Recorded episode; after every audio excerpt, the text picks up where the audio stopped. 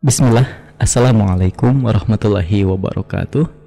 Alhamdulillahilladzi binikmatihi tatimmus solihat Allahumma sholli ala Muhammad wa ala ali Muhammad. Amma ba'du. Pendengar yang berbahagia di mana pun Anda berada Senang sekali rasanya di kesempatan malam hari ini Kita bisa kembali bersua melalui jalinan udara Di 99.3 Fajr FM Suara Kebangkitan Islam. Apa kabar Anda pendengar? Semoga kabar Anda senantiasa dalam keadaan terbaik ya sehat walafiat, demikian juga dengan keluarga Anda tercinta. Semoga selalu dalam lindungan Allah Subhanahu wa taala. Amin ya Allah ya rabbal alamin. Tentunya Anda berada di acara Kalam kajian Ahad malam bersama saya Mang Iki. Insya Allah selama kurang lebih satu jam ke depan kita akan sama-sama menyimak sebuah kajian di mana pemateri atau ustadznya sudah hadir di studio ya. Sebelum Maiki bocorkan apa tema di kesempatan malam hari ini, mungkin Maiki akan sapa terlebih dahulu Ustadz Arifin SHI yang sudah hadir. Assalamualaikum warahmatullahi wabarakatuh Ustadz. Waalaikumsalam warahmatullahi wabarakatuh. Kabarnya sehat Ustadz ya? Alhamdulillah sehat. Masya Allah. Keluarga di rumah sehat juga Ustadz? Alhamdulillah sehat. Alhamdulillah. Nah demikian ya pendengar Anda sudah menyimak suara yang tidak asing lagi di Radio Fajri ya Karena beliau memang salah satu pemateri tetap Radio Fajri FM Ustadz Arifin SHI ya. Baik pendengar di mana pun Anda berada Tema kita malam hari ini adalah Agar teguh dalam barisan Islam. Masya Allah tema yang sangat menarik dan penting untuk dibahas ya bagaimana kita supaya teguh dalam barisan Islam ya. Nah, bagi Anda yang ingin bertanya silakan langsung saja kirimkan pertanyaan terbaik Anda di kesempatan malam hari ini ke 0811 1110 993. 0811 1110 993. Anda bisa melalui WhatsApp, Telegram maupun SMS dan ada hadiah menarik bagi Anda penanya terbaik ya. Nanti akan diseleksi, akan dipilih siapa yang berhak mendapatkan satu buah handbag Fajri. Wah, ini ada tas tangan, tas mini yang ukurannya kecil dan memang praktis untuk Anda bawa ke mana-mana yang fungsinya bisa untuk menyimpan barang-barang yang Anda anggap berharga ya untuk dibawa bepergian. Baik, Silakan ya, jadi jangan ragu untuk mendapatkan hadiah ini langsung saja kirimkan pertanyaannya ke 0811 1110 993 dengan sebuah tema agar teguh dalam barisan Islam. Baik pendengar di mana pun anda berada, mungkin kita akan langsung saja ya sama-sama menyimak uh, kajian di kesempatan malam hari ini bersama Ustadz Arifin SHI dengan sebuah tema agar teguh dalam barisan Islam. Silakan Ustadz. Assalamualaikum warahmatullahi wabarakatuh. Waalaikumsalam warahmatullahi Innal hamdalillah nahmaduhu wa nasta'inuhu wa nastaghfiruh wa na'udzu billahi min shururi anfusina wa min sayyiati a'malina. Man yahdihillahu fala mudilla lah wa man yudlil fala hadiya lah. Asyhadu an la ilaha illallah wahdahu la syarika وأشهد أن محمدا عبده ورسوله أما بعد kaum muslimin yang dirahmati Allah Subhanahu wa taala. Alhamdulillah segala puji bagi Allah Subhanahu wa taala Rabb semesta alam. Salawat beserta salam senantiasa tercurahkan kepada Nabi kita Muhammad sallallahu alaihi wasallam, keluarganya, begitu pula dengan para sahabatnya kaum muslimin yang dirahmati Allah Subhanahu wa taala. Allah Subhanahu wa taala menganugerahkan kepada kita berbagai nikmat. Alhamdulillah Allah memberikan kepada kita kesehatan. Dengan sehat Alhamdulillah kita bisa beribadah dengan nikmat. Alhamdulillah Allah Subhanahu wa taala menganugerahkan kepada kita rezeki dengan adanya rezeki kita bisa memberikan nafkah kepada anak kita dan juga istri kita. Alhamdulillah pula kita mendapatkan nikmat yang besar, nikmat yang agung berupa dinul Islam. Alhamdulillah kita memeluk agama Islam Inna dina indallah al-Islam Sesungguhnya agama yang diridhoi di sisi Allah Subhanahu wa taala adalah Islam. Alhamdulillah pula ketika kita sudah memeluk Islam Allah menganugerahkan hidayah kepada kita Ahlus Sunnah wal Jamaah yaitu golongan yang selamat yang meniti jejak Nabi Muhammad SAW dan juga para sahabatnya di dalam memahami ilmu agama ini dan juga mempraktekannya.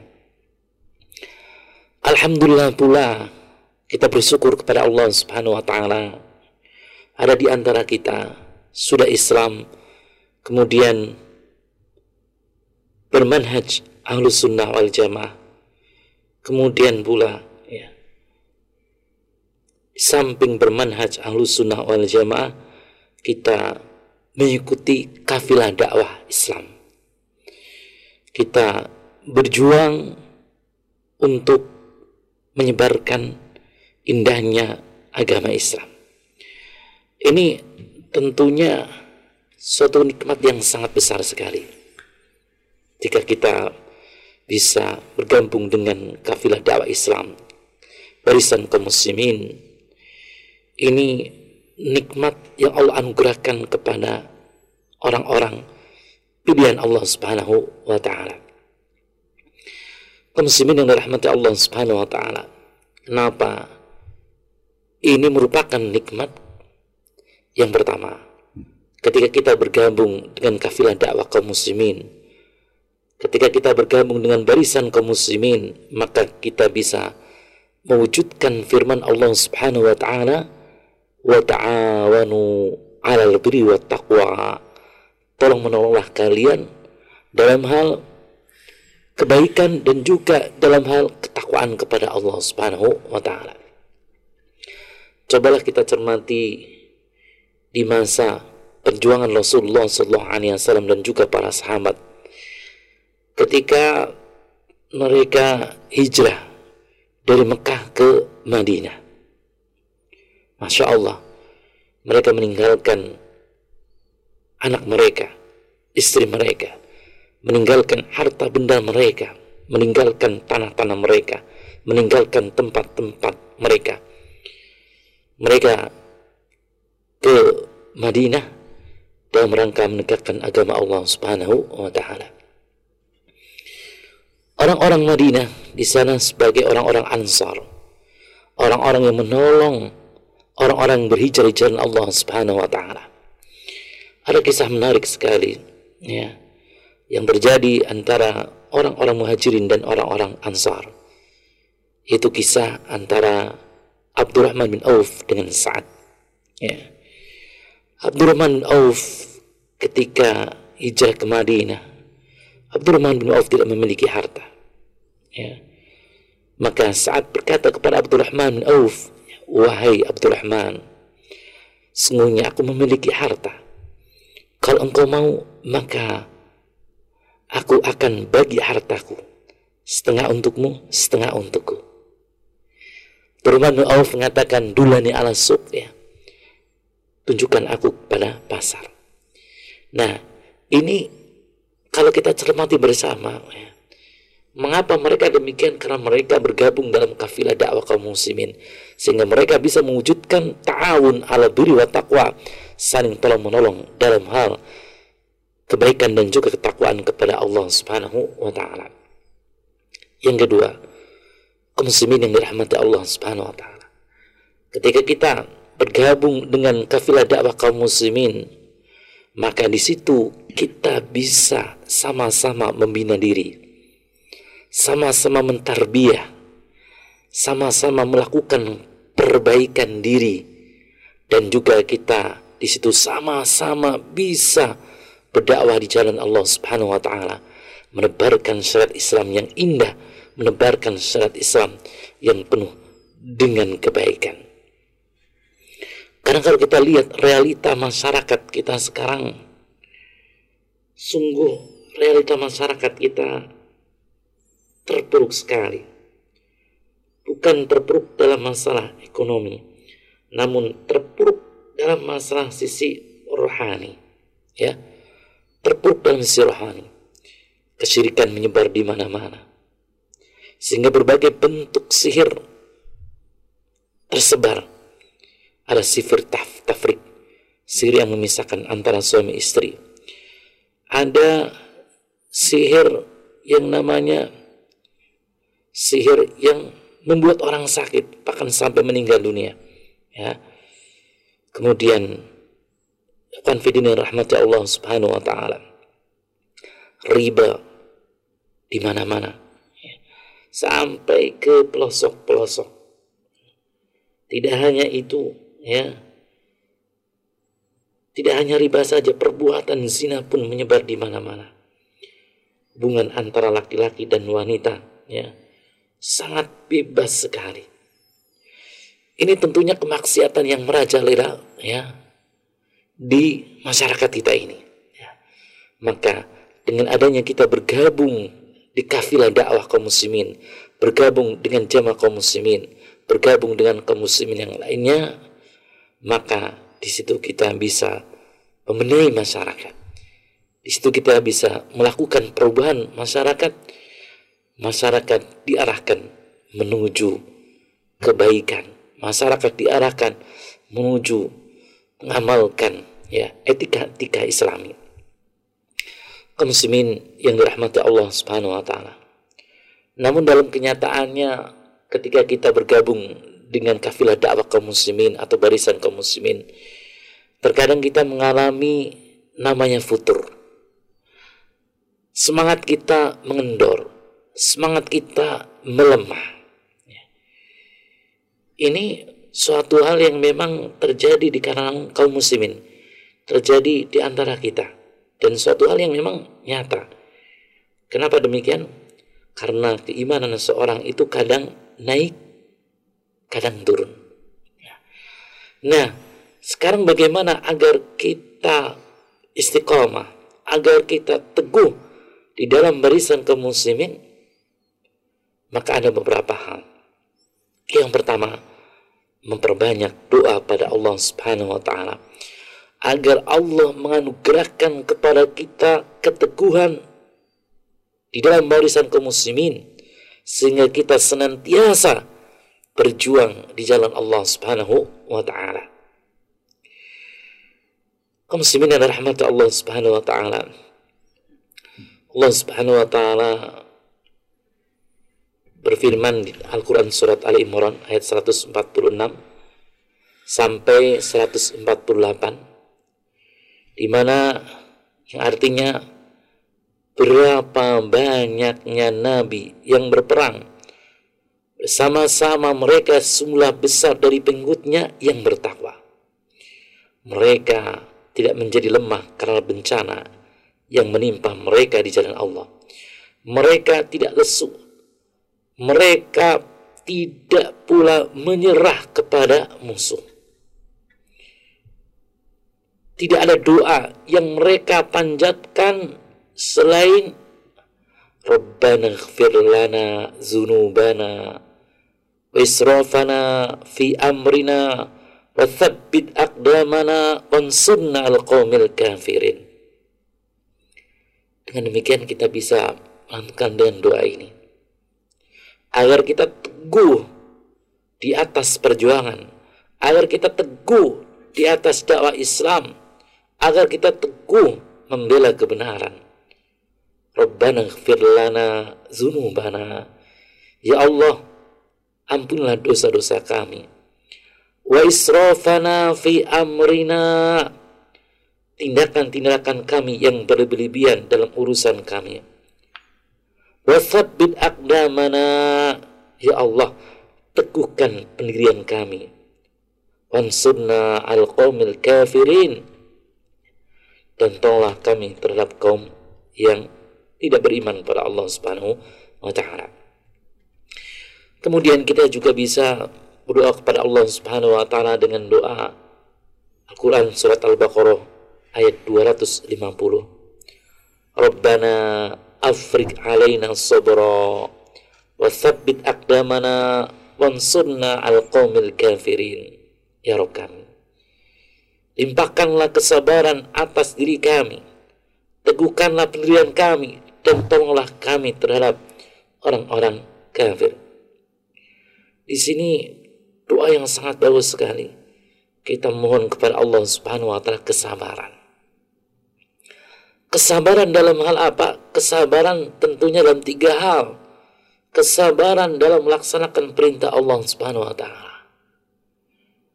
Menyebarkan syariat Islam, mengenalkan syariat Islam kepada masyarakat, mengajak masyarakat agar beribadah kepada Allah Subhanahu wa taala, bertauhid kepada Allah, mengamalkan sunnah-sunnah Rasulullah sallallahu alaihi wasallam, ini harus adanya kesabaran yang ekstra. Yang kedua, kesabaran dalam hal meninggalkan perbuatan-perbuatan maksiat. Banyak sekali godaan-godaan, banyak sekali rintangan-rintangan dalam memperjuangkan agama Allah Subhanahu wa taala ini. Godaan harta, godaan wanita, godaan kedudukan, dan godaan-godaan yang lain, maka kita minta kesabaran ya pada Allah Subhanahu wa taala. Wasabit akdamana dan juga kita minta keteguhan agar kita kokoh berada di atas agama Islam, agar kita kokoh berada di atas perjuangan kaum muslimin yang dirahmati Allah Subhanahu wa taala. Kemudian doa yang bisa kita panjatkan juga di Al-Quran Surat Al-Imran ayat 8 Rabbana la tuzigh qulubana ba'da idh hadaitana wa hab lana min ladunka rahmah innaka antal wahhab kaum muslimin yang dirahmati Allah Subhanahu wa taala doa yang sering dilantunkan oleh Rasulullah sallallahu alaihi wasallam agar kita teguh di atas perjuangan agar kita teguh di atas ketaatan kepada Allah Subhanahu wa taala. Ya muqallibal qulub, tsabbit qalbi ala dinik. Wazat yang maha membolak kembalikan hati. Teguhkanlah hatiku di atas agamamu. Muslimin yang dirahmati Allah Subhanahu wa taala. Ini yang pertama. Yang perlu kita perhatikan secara seksama agar kita teguh berjuang menebarkan agama Islam ini maka hendaknya kita senantiasa berdoa dengan doa-doa yang tadi yang telah kita sebutkan yang kedua bergaul dengan orang-orang yang saleh bergaul dengan siapa dengan orang-orang yang saleh bergaul dengan orang-orang yang beriman bergaul dengan orang-orang yang semangat berjuang di jalan Allah Subhanahu wa taala ini penting sekali.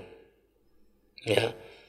Makanya ya Allah Subhanahu wa taala memerintahkan pada orang-orang beriman agar mereka selalu bersama dengan orang-orang yang sadikin. Orang-orang yang benar, orang-orang yang jujur. Ya ayyuhalladzina amanu taqullaha wa kunu ma'as-sadiqin. Wahai orang-orang yang beriman, bertakwalah kepada Allah dan hendaklah kalian bersama dengan orang-orang yang benar, orang-orang yang jujur dengan keimanannya. Sehingga ketika kita bergaul dengan mereka, semangat mereka membara dalam memperjuangkan agama Allah Subhanahu wa taala ini. Mereka rela mengorbankan harta mereka. Ya, rela mengorbankan waktu mereka dalam rangka berjuang di jalan Allah sehingga kita menjadi semangat. Ya, para sahabat Rasulullah SAW yang mereka bergaul dengan Abu Bakar, mereka menjadi semangat. Abu Bakar datang kepada Rasulullah SAW. Ya, Rasulullah SAW tanya kepada Abu Bakar, wahai Abu Bakar, ya, apa yang kau infakkan? Ya, Wah Rasulullah, aku infakkan seluruh hartaku. Masya Allah ya Umar bin Khattab radhiyallahu terlebih dahulu datang kepada Rasul Rasulullah aku infakan ya separuh hartaku di jalan Allah Subhanahu wa taala nah ketika mereka bergaul dengan Abu Bakar dan Umar ya. Orang yang luar biasa sekali dalam beramal maka akan terpengaruh. Rasulullah Shallallahu Alaihi Wasallam bersabda masalul jalisi salih wal jalisi su' kama sari sahibil misk. Wakirul haddad la ya'dimuka min sahibil misk imma tashtarihi riha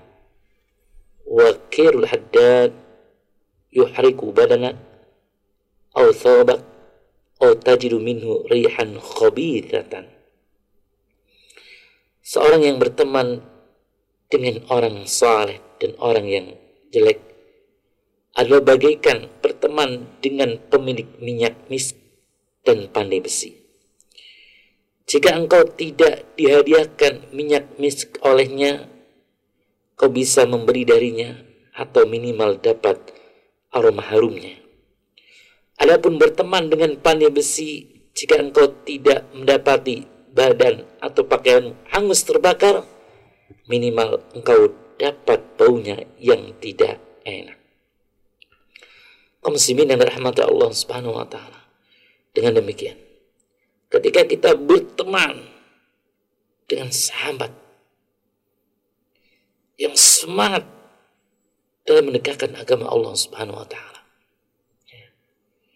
Yang mengajak manusia agar menunaikan sholat, mengeluarkan zakat, ya. membagi membagi kartu dakwah yang isinya mengajak para wanita untuk menutup aurat. Dan ketika kita berteman dengan mereka, wah, maka muncul semangat yang membara, muncul semangat yang tinggi. Bahkan para ulama memberikan nasihat kepada kita agar kita selalu dekat dengan orang-orang yang saleh agar kita selalu dekat dengan orang-orang beriman dan bertakwa kepada Allah Subhanahu wa taala. Makanya Ibnu Qayyim rahimahullah mengisahkan kami maksudnya murid-murid Syekh Islam Taimiyah jika kami ditimpa perasaan gundah gulana atau muncul dalam diri kami prasangka-prasangka buruk atau ketika kami merasakan sempit dalam menjalani hidup, kami segera mendatangi Syekh Islam Taimiyah untuk meminta nasihat.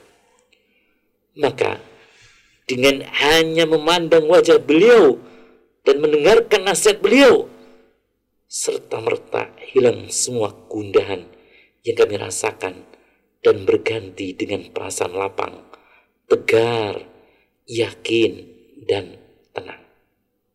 Inilah pentingnya bergaul dengan orang-orang yang yang saleh. Sehingga ketika kita bergaul dengan orang-orang saleh, insya Allah kita akan tegar, kita akan istiqomah di medan juang bersama dengan kafilah dakwah kaum muslimin. Kaum muslimin yang dirahmati Allah Subhanahu wa taala. Kemudian selanjutnya yang ketiga, mengkaji Al-Quran dengan menghayati dan merenungkannya. Allah Subhanahu wa Ta'ala menceritakan bahwa Al-Quran dapat meneguhkan hati orang-orang beriman. Al-Quran adalah petunjuk jalan yang lurus. Allah Subhanahu wa taala berfirman, "Qul nazzalahu ruhul qudusi min rabbik bil haqq yusabbital ladzina amanu wa wa lil muslimin Qul nazzalahu ruhul qudusi min rabbika bil haqq. Katakanlah Ruhul Kudus Jibril alaihissalam menurunkan Al-Quran itu dari Rabbmu dengan benar. Sabbital ladina amanu. Untuk meneguhkan hati orang-orang yang telah beriman. Dan menjadi petunjuk serta kabar gembira bagi orang-orang yang berserah diri kepada Allah Subhanahu wa taala. Dari ayat ini kita bisa mengambil faidah besar bahwasanya Al-Qur'an itu dapat meneguhkan seorang dalam perjuangan ketika seorang baca Al-Quran, merenungi Al-Quran, menghayati Al-Quran akan muncul semangat. Ya, contoh saja. Satu ayat ya. Faman ya'mal misqala daratin khairan yarah. Barang siapa yang melakukan kebajikan meskipun sebesar biji jawi maka Allah Subhanahu wa taala akan membalasnya.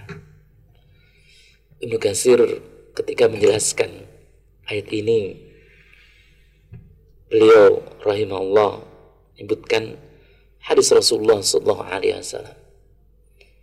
Di antaranya la tahqiranna minal ma'rufi syai'an. Janganlah engkau meremehkan kebaikan meskipun sedikit. Meskipun engkau berjumpa dengan saudaramu dalam keadaan berseri-seri. Ini Masya Allah. Jadi ketika kita merenungi ayat Al-Quran, kemudian kita ambil tafsirnya. Barang siapa yang melakukan kebajikan meskipun besar biji sawi, maka melihat balasannya. Maka memberikan contoh. Contohnya dengan apa? Dengan Rasul, yaitu ya, senyum di hadapan saudara sama muslim. Ya, ketika bertemu dengan saudara kita sama muslim, wajah kita berseri-seri, itu bagian ibadah. Apalagi ketika kita berjuang di jalan Allah Subhanahu wa taala bersama dengan kafilah dakwah kaum muslimin menebarkan tauhid ke seluruh negeri, menebarkan sunnah Rasulullah sallallahu alaihi wasallam ke pelosok desa-desa tentunya kita akan mendapatkan pahala yang besar di Allah Subhanahu wa taala. Kaum muslimin yang dirahmati Allah Subhanahu wa taala. Yang terakhir ya agar kita tetap istiqamah, teguh bersama dengan kelisan kaum muslimin adalah membaca kisah-kisah orang saleh sehingga bisa dijadikan teladan dalam keteguhan. Dalam Al-Quran banyak diceritakan kisah-kisah para nabi. Dalam Al-Quran banyak dikisahkan tentang Rasul serta orang-orang yang beriman. Kisah-kisah ini dijadikan untuk meneguhkan hati Rasulullah SAW Coba kita perhatikan kisah istiqomahnya Nabi Ibrahim. Nabi Ibrahim alaihissalam istiqamah ingin melakukan perubahan yang terjadi pada kaumnya, di mana kaumnya melakukan penyembahan kepada selain Allah Subhanahu wa taala. Penyembahan terhadap berhala. Maka Nabi Ibrahim datang untuk melakukan perubahan menyuruh mereka kepada tauhid Allah Subhanahu wa taala. Mereka tidak menerimanya. Bahkan mereka menyiksa Nabi Ibrahim alaihissalam. Qalu harriku wansuru alihatakum in kuntum fa'ilin. Mereka berkata, bakarlah dia dan bantulah Tuhan-Tuhan kalian jika kalian benar-benar hendak bertindak. Ya. Jadi mereka setuju dengan dakwah Nabi Ibrahim. Mereka marah, mereka ingin membakar Nabi Ibrahim. Bahkan mereka melempar Nabi Ibrahim alaihissalam ke mana ke api. Allah Subhanahu wa taala memberikan pertolongan kepada Nabi Ibrahim Qulna ya naru kuni bardan wa salaman ala Ibrahim. Allah berfirman, Ya naru, wahai api, kuni bardan wa salaman ala Ibrahim. Wahai api, menjadi dinginlah dan menjadi keselamatanlah bagi Ibrahim. Masya Allah, subhanallah. Dengan merenung kisah ini, maka kita akan menjadi semangat ketika kita bergabung dengan kafilah untuk tetap setia pada kafilah kaum muslimin tersebut. Kenapa? Karena kita ketika memperjuangkan Islam, menebar dakwah Islam, Allah Subhanahu wa taala akan menolong kita. Sebagaimana kisah Nabi Ibrahim alaihissalam tersebut. Kaum muslimin yang dirahmati Allah Subhanahu wa taala. Semoga Allah Subhanahu wa taala menjadikan kita sebagai orang-orang yang senantiasa teguh di dalam perjuangan Islam. Demikian. Amin ya Allah ya Rabbal Alamin. Masya Allah. Demikian ya pendengar di mana pun Anda berada Kajian di malam hari ini ya Di acara kalam kajian ahad malam Tadi Ustadz Arifin SHI sudah menyampaikan ilmunya ya Atau uh, materinya di kesempatan malam hari ini Dengan sebuah tema Agar teguh dalam barisan keislaman. Ada empat kiat Ustadz ya Yang Iki sempat catat ini. Yang pertama memperbanyak doa keteguhan tentunya ya. Minta agar kita diteguhkan dalam barisan kaum muslimin. Kemudian yang kedua bergaul dengan orang-orang yang soleh.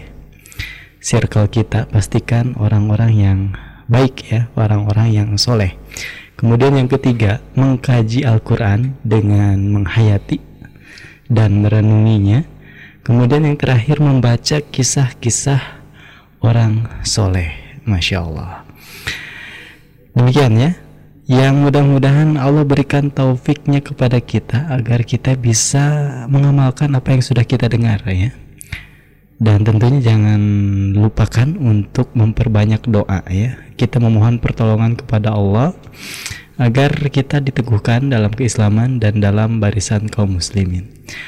Baik, pendengar di mana pun Anda berada terbuka lebar kesempatan untuk Anda yang ingin bertanya di kesempatan malam hari ini dan uh, Anda juga berpeluang mendapatkan satu buah hadiah menarik dari Radio Fajri FM ya.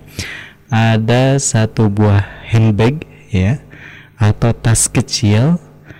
Ini hitung-hitung cindera mata lah dari Radio Fajri ya souvenir gitu ya walaupun nggak mahal-mahal banget tapi bagi anda pendengar setia ini akan serasa berharga ya baik pendengar di mana pun anda berada pertanyaan anda bisa dikirimkan ke 0811 1110 993 ya 0811 1110 993 sekali lagi 0811 1110 993. Jadi silakan mumpung ada Ustadz Arifin di studio Radio Fajri live ya Anda bisa bertanya khususnya dengan tema di kajian malam hari ini yaitu agar teguh dalam barisan Islam ya. Jadi silakan jangan ragu untuk bertanya dan waktu kita tersisa kurang lebih 30 menit ya dipotong oleh jeda ya. jadi jangan dipindah frekuensi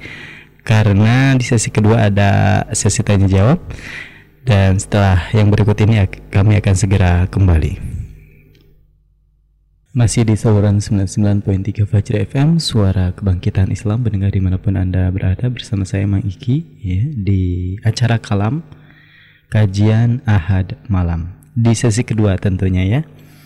Uh, sesi tanya jawab masih bersama Ustadz Arifin SAI dengan sebuah tema agar teguh dalam barisan Islam. Tadi di sesi pertama sudah dibahas ya kajiannya dan kini terbuka lebar bagi Anda yang ingin bertanya dan berpeluang mendapatkan sebuah door prize menarik dari Radio Fajri ya. Yaitu ada sebuah handbag atau tas kecil yang bisa Anda bawa ke mana-mana ya. Silakan dapatkan dengan cara Anda bertanya ke 0811 1110 993 0811 1110 993 sekali lagi 0811 1110 993 Anda bisa melalui WhatsApp Telegram maupun SMS ya. Namun nampaknya SMS ini sudah jarang digunakan mungkin ya zaman sekarang ya. Silakan melalui WhatsApp maupun Telegram atau mungkin bagi Anda yang saat ini tengah aktif di dunia maya, silakan mampir ke fanpage Radio Fajri di facebook.com garis miring Radio Fajri karena di sana juga sudah ada postingan terkait acara kita di kesempatan malam hari ini ya. Kalam kajian Ahad malam. Baik Ustaz mungkin kita akan langsung saja ya cicil satu pertanyaan satu persatu pertanyaan sudah masuk. Silakan. Yang pertama ini ada dari hamba Allah ya di bumi Allah. Assalamualaikum warahmatullahi wabarakatuh. Waalaikumsalam warahmatullahi wabarakatuh. Ustadz, pertarungan antara pendukung kebatilan dengan kebenaran tidak kenal kata istirahat. Entah itu pertarungan fisik, ideologi, ataupun pertarungan informasi. Setiap muslim sadar atau tidak pasti terlibat dalam pertarungan panjang ya, yang tak berujung tersebut. Dan yang ingin saya tanyakan adalah pertama, apa yang harus dimiliki oleh seorang muslim sebagai bekal dalam menghadapi pertarungan tersebut? Ini ada dua, ada dua pertanyaan Ustaz. Mau satu persatu dulu, satu-satu atau langsung disebutkan dua-duanya pertanyaannya? Satu persatu dulu. Satu persatu dulu. Silakan. Saya ulangi Ustaz ya. Ya. Apa yang harus dimiliki seorang muslim sebagai bekal dalam menghadapi pertarungan tersebut? Iya. Kaum muslimin yang dirahmati Allah Subhanahu wa taala. Sejak adanya Adam alaihissalam manusia pertama di muka bumi ini maka di situ adanya pertempuran antara yang membela hak dan batil. Adam alaihissalam tarung dengan iblis yang senantiasa menyerukan keburukan. Kemudian pertarungan ini berlanjut terus sampai hari akhir. Nah, pertarungan dasar ini dengan berbagai macam warna, cara. Ada pertarungan ideologi, ada pertarungan ya akidah, pertarungan uh, kebudayaan dan juga yang lain-lain. Sekarang bagaimana apa bekal kita agar kita kokoh teguh tetap berada di jalan kebenaran ya. Yang pertama adalah hendaknya kita berilmu ilmu syar'i. Jadi kita mempelajari ilmu din, ilmu yang benar sesuai dengan pemahaman salafun saleh, pemahaman Rasulullah SAW dan juga para sahabatnya. Karena ketika kita berilmu maka dapat membedakan antara kebenaran dan juga kebatilan. Ketika kita berilmu maka kita akan meniti jalan menuju surga Allah Subhanahu wa taala. Kemudian yang kedua, ya, bekal yang harus kita punyai adalah jangan sendirian. Bergabung dengan kafilah dakwah yang sudah ada. Di dalam hadis-hadis Rasulullah SAW, banyak sekali beliau Sallallahu Alaihi Wasallam memotivasi kepada kita untuk berjamaah. Alaikum bil jamaah, hendaklah kalian berjamaah. Jangan sendirian, ya. Kenapa? Fa'ina syaitan ma'al wahid. Karena setan itu bersama dengan satu orang. Dan setan itu akan menjauh dengan dua orang, tiga orang, empat orang, lima orang. Ya. Sehingga ketika kita berada di sebuah wadah, ya, kafilah dakwah yang mengusung manhaj ahlus sunnah wal jamaah, maka di situ kita akan kuat, di situ kita akan kokoh. Karena biasanya kafilah dakwah tersebut di sana ada saling tawasi, saling menasehati satu dengan yang lain dalam kebenaran. Saling menasihati satu dengan yang lain agar tidak terjerumus ke dalam perbuatan maksiat. Berbeda kalau sendiri. Jika sendiri salah, nggak ada yang mengingatkan. Namun ketika kita bergabung dengan kafilah dakwah tersebut, ya ada yang mengoreksi pimpinan kita mengoreksi, jamaah kita mengoreksi, ya. Kemudian jamaah kita memotivasi agar kita senantiasa berada dalam keimanan. Ya. Demikian, Mang Ike. Ya. Baik, masya Allah demikian ya jawaban Ustadz Arifin terkait pertanyaan nomor satu Ustadz ya. Masih ada nomor dua Ustadz pertanyaannya. Silahkan.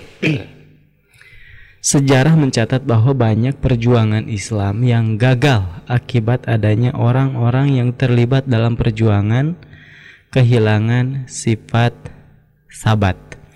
Lalu yang ingin saya tanyakan adalah kiat-kiat sabat dalam menghadapi sebuah pertarungan. Silakan. Iya, kaum muslimin yang dirahmati Allah Subhanahu wa taala. Bagaimana kiat-kiat kita agar kita sabat, agar kita teguh ya. Dalam perjuangan ini. Sehingga kita tetap berjuang di jalan Allah Subhanahu wa taala membela kebenaran. Kemudian kita mengikis kebatilan ya. Kita mengobarkan bendera tauhid ya.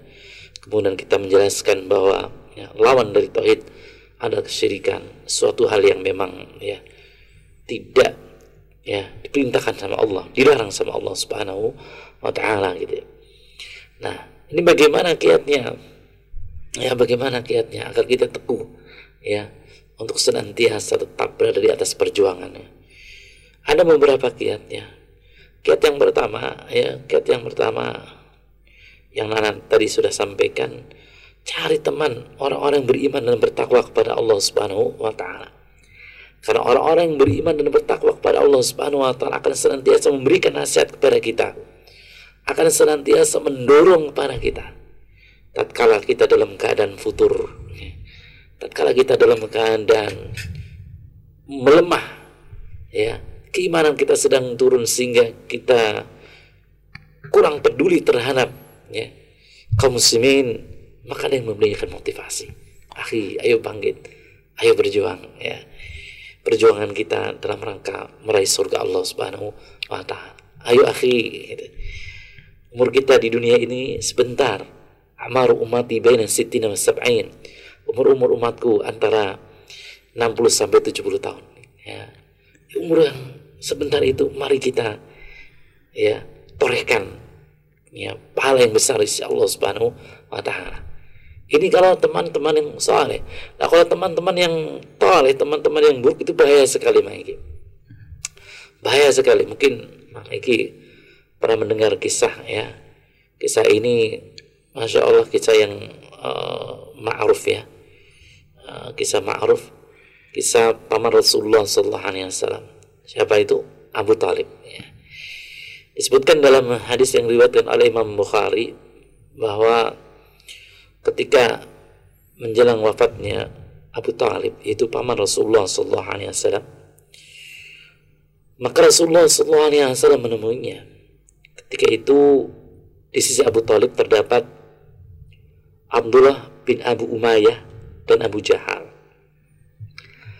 Maka Nabi Muhammad SAW mengajak pamannya agar masuk Islam. Kata beliau, ya, Ayu ammi, kul la ilaha illallah. Kalimatun uhaju laka biha indallah. Wahai pamanku, katakanlah la ilaha illallah yaitu kalimat yang aku nanti bisa beralasan di hadapan Allah Subhanahu wa taala kelak. Abu Jahal dan Abdullah bin Umayyah berkata, "Ya Abu Talib, tergobu an millati Abdul Muttalib?" Wahai Abu Talib, apakah engkau tidak suka pada agamanya Abdul Muttalib? Ya, Kemudian Rasulullah SAW mengajak kepada Abu Talib agar mengucapkan kalimat La ilaha illallah. Abu Jahal dan Abdullah bin Umayyah mereka berdua mengajak Abu Talib untuk tetap berada pada agama Abdul Muttalib agama nenek moyang sampai akhirnya Abu Talib meninggal dunia di atas ajaran Abdul Muttalib tidak masuk Islam. Mengikuti agama nenek moyang. Ini menunjukkan bahwa ketika seorang berteman dengan teman yang buruk itu memiliki bahaya yang sangat dahsyat sekali. Bahaya yang sangat dahsyat sekali. Kemudian yang kedua adalah menuntut ilmu. Menuntut ilmu itu penting sekali. Menuntut ilmu itu jalan menuju surga Allah subhanahu wa ta'ala. Ya. Ketika kita menghadiri majelis ilmu atau ketika kita mendengarkan atau mendengar ya ceramah-ceramah ya maka jika Allah Subhanahu wa taala memberikan hidayah kepada kita kita akan termotivasi untuk tetap berjuang Ketika kita mendengar ceramah tentang masalah surga, bagaimana keindahan surga, bagaimana kenikmatan surga. Dalam surga terdapat sungai-sungai mengalir, ada sungai madu, ada sungai susu, ada sungai khomer. Di dalam surga terdapat bidadari-bidadari yang sangat cantik cerita. Dalam surga penghuni surga makan, minum. Penghuni surga tidak beringus, penghuni surga tidak mengeluarkan hajat besar maupun kecil ya makanan yang telah mereka cerna ya berubah menjadi sendawa yang mengeluarkan aroma minyak kasturi nah ketika kita mendengar tentang hal itu muncul semangat dalam diri kita muncul semangat besar dalam diri kita sehingga kita akan sabat ya berada dalam barisan selam berada dalam barisan kafilah kafilah dakwah yang ketiga adalah berdakwah di jalan Allah Subhanahu wa taala. Secara terorganisir, bergabung dengan jamaah kaum muslimin. berdakwah secara sama-sama. Karena kemungkaran sekarang menyebar di mana-mana. Kemungkaran sekarang besar sekali. Kemungkaran sekarang terorganisir, sangat rapi sekali. Maka dibutuhkan dakwah yang terorganisir. Dibutuhkan dakwah penuh dengan tandim, pengaturan, yang jelas, adanya taktik yang jelas. Ya, sehingga ya dengan kita berperan di sana, kita insya Allah Taala akan sabat, akan. Demikian Bang Ege. Masya Allah. Masya Allah. Ini jawaban untuk satu penanya tadi ya, iya. dan pertanyaannya ada dua poin. Sedangkan waktu kita semakin mepet, dan pertanyaan masih ada tiga nih Ustaz. Masya Allah. Uh, gimana caranya nih supaya terjawab semua karena kalau Mike lihat ada beberapa pertanyaan yang sepertinya perlu dijawab saat ini Ustaz ya. Yeah. Mungkin bisa di mohon maaf di persingkat Ustaz yeah. ya iya. nanti. Kali ini ada pertanyaan dari hamba Allah uh, di Bekasi. Ustadz ingin Ustadz yang ingin saya tanyakan adalah terkadang iman kita naik ataupun turun entah karena ada masalah dalam kehidupan ataupun yang lainnya. Bagaimana dan apa yang sebaiknya kita lakukan agar iman itu tetap terpatrik kuat di dalam hati dan tidak akan goyah. Syukran iya. Ustaz. Agar iman itu kuat terpatri dalam hati, yang pertama berdoa, minta keteguhan di dalam keimanan. Yang kedua, beramal soleh. Yang ketiga, merenungi ayat-ayat Al-Quran tentang masalah surga dan juga tentang masalah api neraka. Demikian. Baik, Masya Allah. Singkat, padat, dan jelas. Ya. Hanya tinggal kita mengamalkannya saja. Baik pendengar di mana pun Anda berada, berikutnya ada pertanyaan dari siapa ini? dari hamba Allah ya. Bagaimana membangun rasa persaudaraan dan solidaritas antar umat Islam yang berbeda latar belakang dan budaya, Ustaz? Silakan. Iya, bagaimana membangun persaudaraan dan solidaritas antar umat Islam? Ya. Yang pertama, ya, samakan akidah terlebih dahulu. Jadi kita kembali kepada akidah hmm. yang sama, akidah Ahlussunnah wal jamaah. Kemudian yang kedua adalah belajar dari sirah nabawiyah, sirah Rasulullah wasallam dan juga para sahabat Rasulullah wasallam yang mana mereka memiliki persaudaraan yang sangat tinggi sekali. Cukup, cukup. Masya Allah. Demikian ya. Satu lagi pertanyaan terakhir Ustaz mungkin di kesempatan kali ini di kajian kalam ya. Ini sedikit kompleks Ustadz pertanyaannya nih. Dari hamba Allah ya. Ustadz sebelumnya saya ucapkan terima kasih atas kesempatannya. Saya Nugraha dari Jatinegara kaum Klender. Izin bertanya, saya punya ibu mertua saat ini sakit tak berdaya. Kondisinya hanya bisa berbaring Dari awal sakit sudah saya rawat bareng istri karena saya sudah anggap sama seperti ibu saya. Tapi saya mau bertanya, saya kadang suka ragu-ragu saat ibu mertua saya butuh pertolongan saya seperti ke kamar mandi dan lain-lain yang mungkin ada kontak fisik. Apakah saya boleh misal memegang tangan ibu mertua saat butuh bantuan saya? Lalu saya sudah sering kasih motivasi untuk bertaubat dan sholat meskipun keadaan payah. Awalnya nurut, tapi belakangan ini susah Pak Ustadz untuk sholat bahkan nasihat saya entah didengar atau tidak.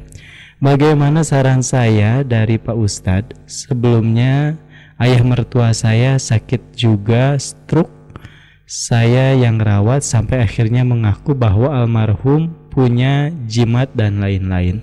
Tapi alhamdulillah sebelum meninggal beliau bertaubat. Uh, saya yang bimbing Ustadz. Tapi untuk ibu mertua saya, saya bingung bagaimana saran Pak Ustadz.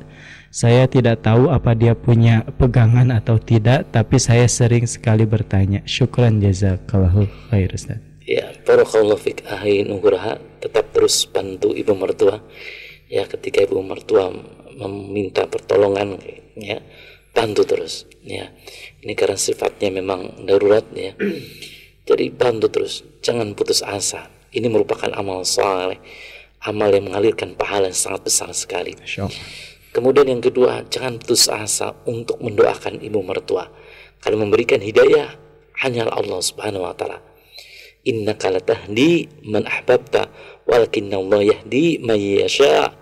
Sungguh Allah Subhanahu wa taala yang memberikan hidayah kepada siapa saja yang dikehendaki. Terus menerus mendoakan ibu mertua ya agar ibu mertua dapat hidayah dari Allah. Dan semoga ibu mertua dapat hidayah dan semoga ibu mertua Anda husnul khatimah. Amin. Cukup Ustaz? Cukup. Masya Allah. Demikian ya pendengar di mana pun Anda berada. Semoga jawaban Ustaz membantu tadi ya. Uh, terima kasih bagi Anda yang sudah bertanya Pendengar di mana pun Anda berada Dan mohon maaf jika ada mungkin pesan-pesan yang belum sempat kami bacakan di kesempatan malam hari ini Karena waktu kita sudah berada di ujung ya Baik Sebelum Iki tutup dan sebelum Iki umumkan siapa pemenang door prize di kesempatan malam hari ini, mungkin Ustaz ada closing statement silakan Ustaz. Kaum yang dirahmati Allah Subhanahu wa taala. Tetaplah kita berjuang di jalan Allah Subhanahu wa taala di barisan kafilah dakwah Islam dan semoga kita bisa berjuang sampai akhir hayat kita sehingga insya Allah Allah Subhanahu wa taala akan menganugerahkan kepada kita surganya. Demikian. Amin ya, amin ya Allah ya Rabbal Alamin.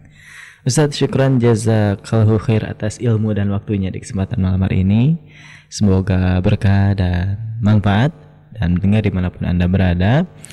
Kini waktunya Maiki umumkan siapa pemenang door prize di kesempatan malam hari ini yang jatuh kepada Akhi Nugraha ya dari Jatinegara tadi yang bertanya terkait kondisi ibunya yang saat ini tengah berbaring sakit ya semoga Allah berikan pertolongannya. Dan dengar di mana pun anda berada Maiki pamit undur diri ya. Dan juga mewakili Akhi Agung di meja operator. Mohon maaf atas segala kekeliruan. Sampai jumpa di acara menarik lainnya Radio Fajr FM suara kebangkitan Islam. Subhanaka Allahumma wa bihamdika asyhadu alla ilaha illa anta astaghfiruka wa atubu ilaik Wassalamualaikum warahmatullahi wabarakatuh.